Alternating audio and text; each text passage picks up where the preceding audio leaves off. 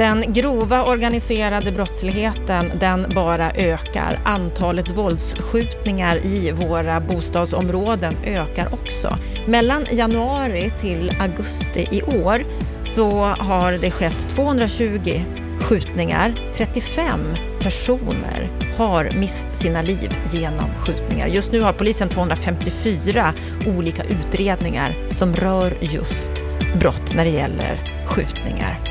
Vad har bostadspolitiken med det här att göra? Det ska vi bland annat prata om idag.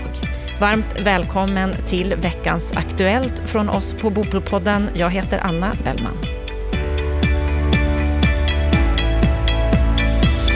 Ja, detta med eh, den ökade grova brottsligheten med våldsskjutningar som bara ökar i våra samhällen det har bland annat bostadspolitiken med att göra. Vi kan se i torsdagens Dagens Nyheter att det finns en artikel där om Skäggetorp i Linköping där man kräver stopp på inflyttning av nyanlända till utsatta områden. Stefan Attefall, vad handlar det här om?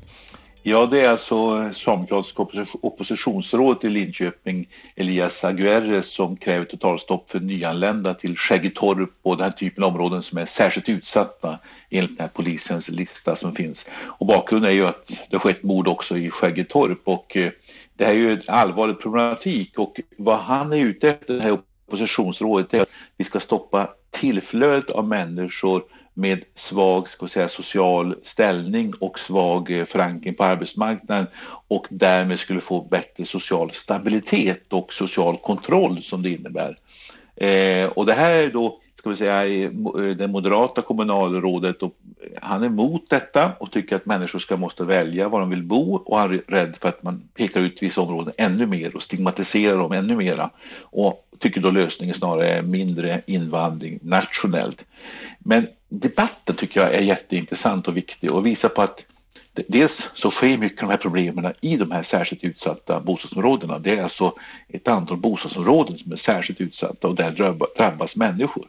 Men det är också intressant att se hur bostadspolitiken kan spela roll här för att de är ute efter någonting som är väsentligt här tycker jag, det socialdemokratiska oppositionsrådet. Det är det här med social kontroll och det finns också forskning från 1920-talet Chicago som visar att det hög omsättning av människor och låg social kontroll, det föder kriminalitet oavsett vilka människor som bor i området. Och det där tycker jag också är en erfarenhet man kan ha från andra sammanhang när man ser att människor som inte har kommit, så att man fått en stabilitet, man har blivit etablerad på arbetsmarknaden, stadiga inkomster, man går till jobbet och liknande saker.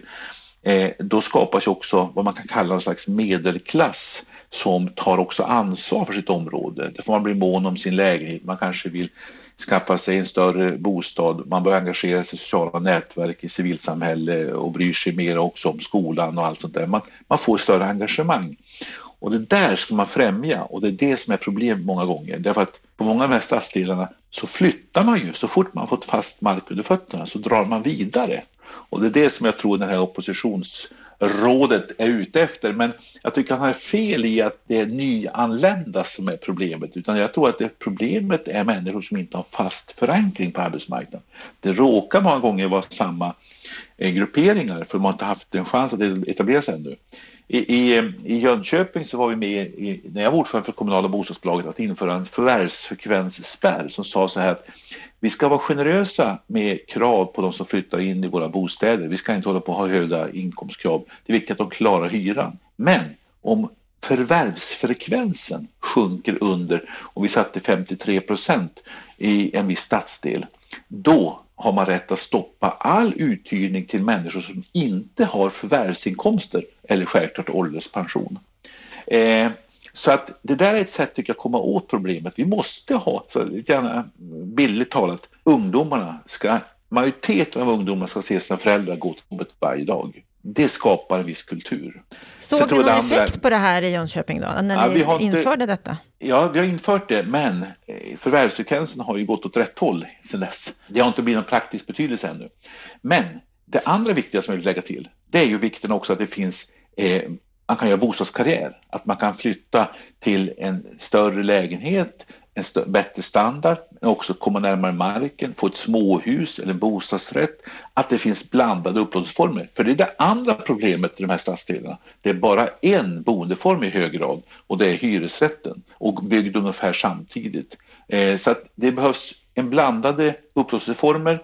Det behövs människor som går till jobbet och som tar ansvar för sin stadsdel och sen självklart måste polisen göra sitt jobb och alla de här sakerna och kommuner och alla myndigheter. Men i bostadspolitisk hänseende så tror jag det finns någonting i det här, den här diskussionen som förs nu i Dagens Nyheter och som är refererad från Skäggetorp i Linköping. Så att eh, det här är en spännande del av kriminal, kriminalpolitiken och de här skjutningarna som jag tycker försummas i den politiska debatten. Det här förebyggande perspektivet. Mm.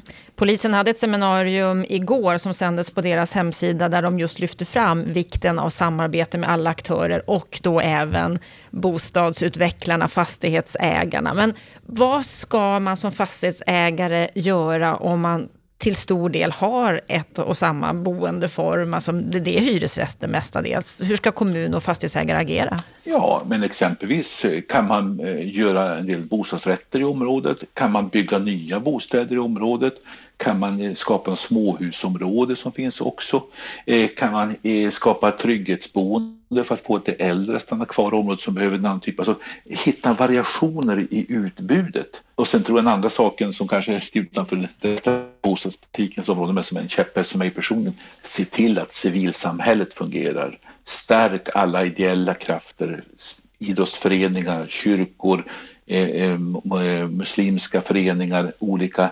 sammanhang där människor tar ansvar för varandra. Eh, sen måste jag personligen också säga att det är noterbart i den artikeln också, det kommer också fram en annan sak som också är viktig och det är ju att många av de här problemungdomarna har frånvarande föräldrar, inte minst pappor. Alltså mm. föräldraansvaret är oerhört viktigt. Och kan man på olika sätt stötta och hjälpa där också ifrån kommunens sida så är det också en viktig sak. Men då är vi utanför kanske direkta bostadspolitikens område. Men i det totala samhällets viktiga ansvar och område. Mm. Vi ska gå vidare i samma härad. En artikel ifrån Arena från 31 augusti, alltså lite längre än bara den närmsta veckan tillbaka. Där var en artikel med Martin Grander om social housing och att det växer. Vad är det han tar upp här? Ja, och det här är kopplat till det här, därför att han, där pekar man artikeln på eh, att vi får allt färre billiga bostäder. Därför att stora mängder bostäder byggdes ju på 60 och 70-talet, miljonprogramsområden. Och alla de här håller man på att renovera. Man måste renovera dem, de behöver renoveras. Och det sker i en ganska eh, rask takt idag. Och då finner ju de här billiga hyresrätterna och då pekar man på den här artikeln på det här med, ja men vad gör vi då med de människor som, ska, eh, som, har, som har svag ekonomi? Som inte hittar en billig bostad. Och de pekar också på att eh, vi har ju faktiskt inte heller bostadspriserna har följt med utvecklingen. Och vi ser också hur man också har i många ställen också ganska höga inkomstkrav för att få ta en bostad. Så att det här oroar sig bland annat Martin Grander som är doktor i urbana studier vid Malmö universitet. Eh, men också eh, forskaren Mikael Mangold eh, pekar på det dilemmat. Och de ställer ju frågan, vi måste hitta någon lösning, en social sektor för att helt enkelt kunna hjälpa de här människorna. Och eh, det är det har de helt rätt i. Jag tror att förstärkta bostadsbidrag är en sån sak, men också hitta andra lösningar. Och de vill ju inte självklart ha ett stigmatiserat social housing-bestånd eh, dit man skickar alla inkomstsvaga. Men de pekar på att någonting måste göra och eh, svaret på frågan om det här kan stigmatisera vissa hushåll, ja vi har de problemen redan. Och det ligger en poäng i det också. Så att eh, det här är en fråga för allmännyttan men också privata fastighetsägare. Hur hittar vi eh, former av renoveringar? Hur hittar vi bostäder som gör att grupper som har svag ekonomi kan få tag på bostad? Hur kan kommunerna utveckla sina sociala kontrakt? Och hur kan vi framförallt måste staten förstärka bostadsbidragen? Det ska vara mycket intressant att se bara för att koppla an till budgetdiskussionen som nu pågår med 72 miljarder som ska delas ut av finansministern. Blir det någon förstärkning av bostadsbidragen i den godispåseutdelning som är på väg just nu? De ekonomiska klyftorna de ökar ju i vårt samhälle. Kan det vara så att bostäder är en bidragande orsak till att klyftorna ökar? Ja visst, de som är utanför, de som har svag förankring, de har det allt tuffare och tuffare. Medan de som är inne i systemet, eh, de kan utnyttja på något sätt möjligheterna på ett helt annat sätt. Det gäller den här gruppen vi pratar nu om, Det gäller också självklart den ska vi säga, ägda boendemarknaden som också är ju ett exempel på det. Det är svårt att komma in och det är eh, ganska goda eh, möjligheter för den som redan är inne i systemet och redan har en ägd bostad. Ekonomibyrån de tog upp i måndags det här med att man blir just rik på att bo. Vad är det de mm oja sig över här nu? Nej, men där pekar de just på detta att eh, har du kommit in och äger en bostad så har du varit med om en resa, du, får, eh, du, du, du vinner, du tjänar pengar på att bara bo. Liksom, va? Och det är klart att det stämmer i någon mening att fastighetspriserna, eh, huspriserna har stigit. Å andra sidan kan man säga när du ska sen köpa nästa bostad, då har de också stigit i pris. skillnaden finns ju kvar. Va? Men, men det visst, det, det, och det är klart att den här ekonomibyrån som ändå samlade mycket kvalificerade människor, bland med Finansinspektionens generaldirektör Erik Thedéen, de satt upp och, ungefär som vi gör runt middagsbordet, vi ojade oss över de här stigande bostadspriserna. Jag hade ju sig väntat mig lite mer kvalificerat resonemang. Eh, det är klart att det är ett problem när bostadspriserna stiger och så klagar de på att det är svårt för folk att komma in på bostadsmarknaden. Jag sitter faktiskt generaldirektören för Finansinspektionen där och faktiskt har skapat ett antal hinder med flera amorteringskrav och, och eh, bolånetak och, och, och, andra åtgärder som gör det svårare att komma in på den egna marknaden. Och så diskuterar man inte någonting om hur hushållen har blivit också rikare, alltså balansräkningen har vuxit, man har haft mer tillgångar. Så i den meningen är skuldsättningen ett mindre problem idag än det var tidigare.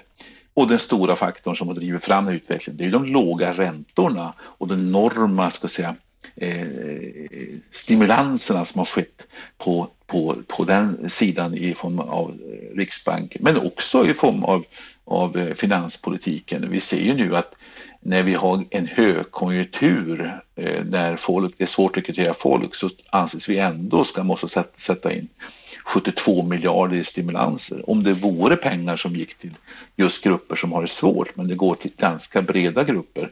Och då får du också en stimulans vilket gör att du kommer att gynna ytterligare stigande fastighetspriser för folk har råd att efterfråga. Men trösklarna är höga och mycket höga för att komma in på bostadsmarknaden oavsett om jag är så resurssvag att jag inte ens kan få få, få eh, tillgång till ett bostadskontrakt eller råd med, med en enkel hyra eller om jag vill in på den ägda marknaden. I båda fallen så stängs vägarna för unga och för nyanlända och för de som har börjat etablera sig i samhället och det är ett stort, tycker jag, fördelningspolitiskt misslyckande som faktiskt eh, politiken måste ta tag i.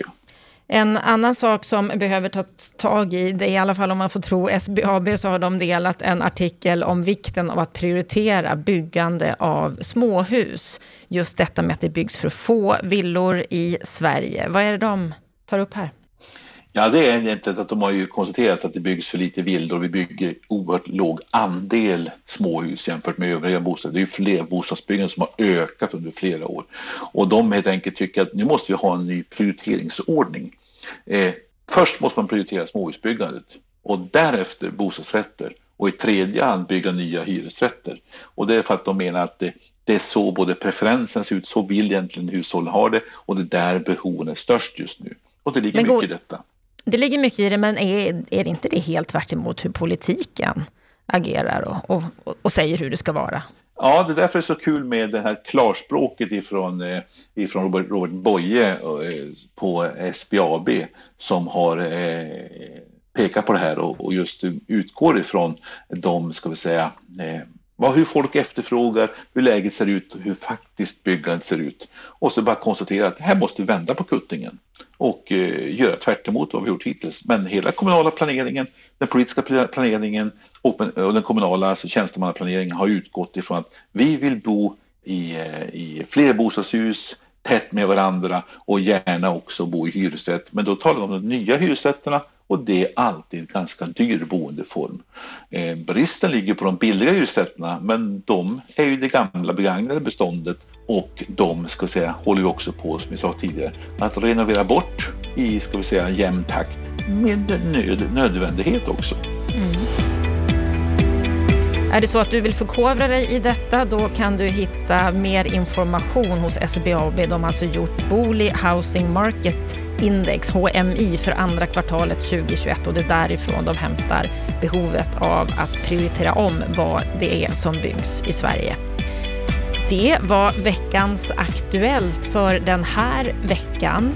Är det så att du vill förkovra dig mer kring bostadspriserna, kring demografi, kring läge och kvalitet i hyressättningen, den utredning som kom i somras, ja, då ska du inte missa vårt program på måndag då vi intervjuar Maria Playborn, demograf och seniorrådgivare på konsultföretaget VSP. Med detta så önskar vi dig en riktigt trevlig helg.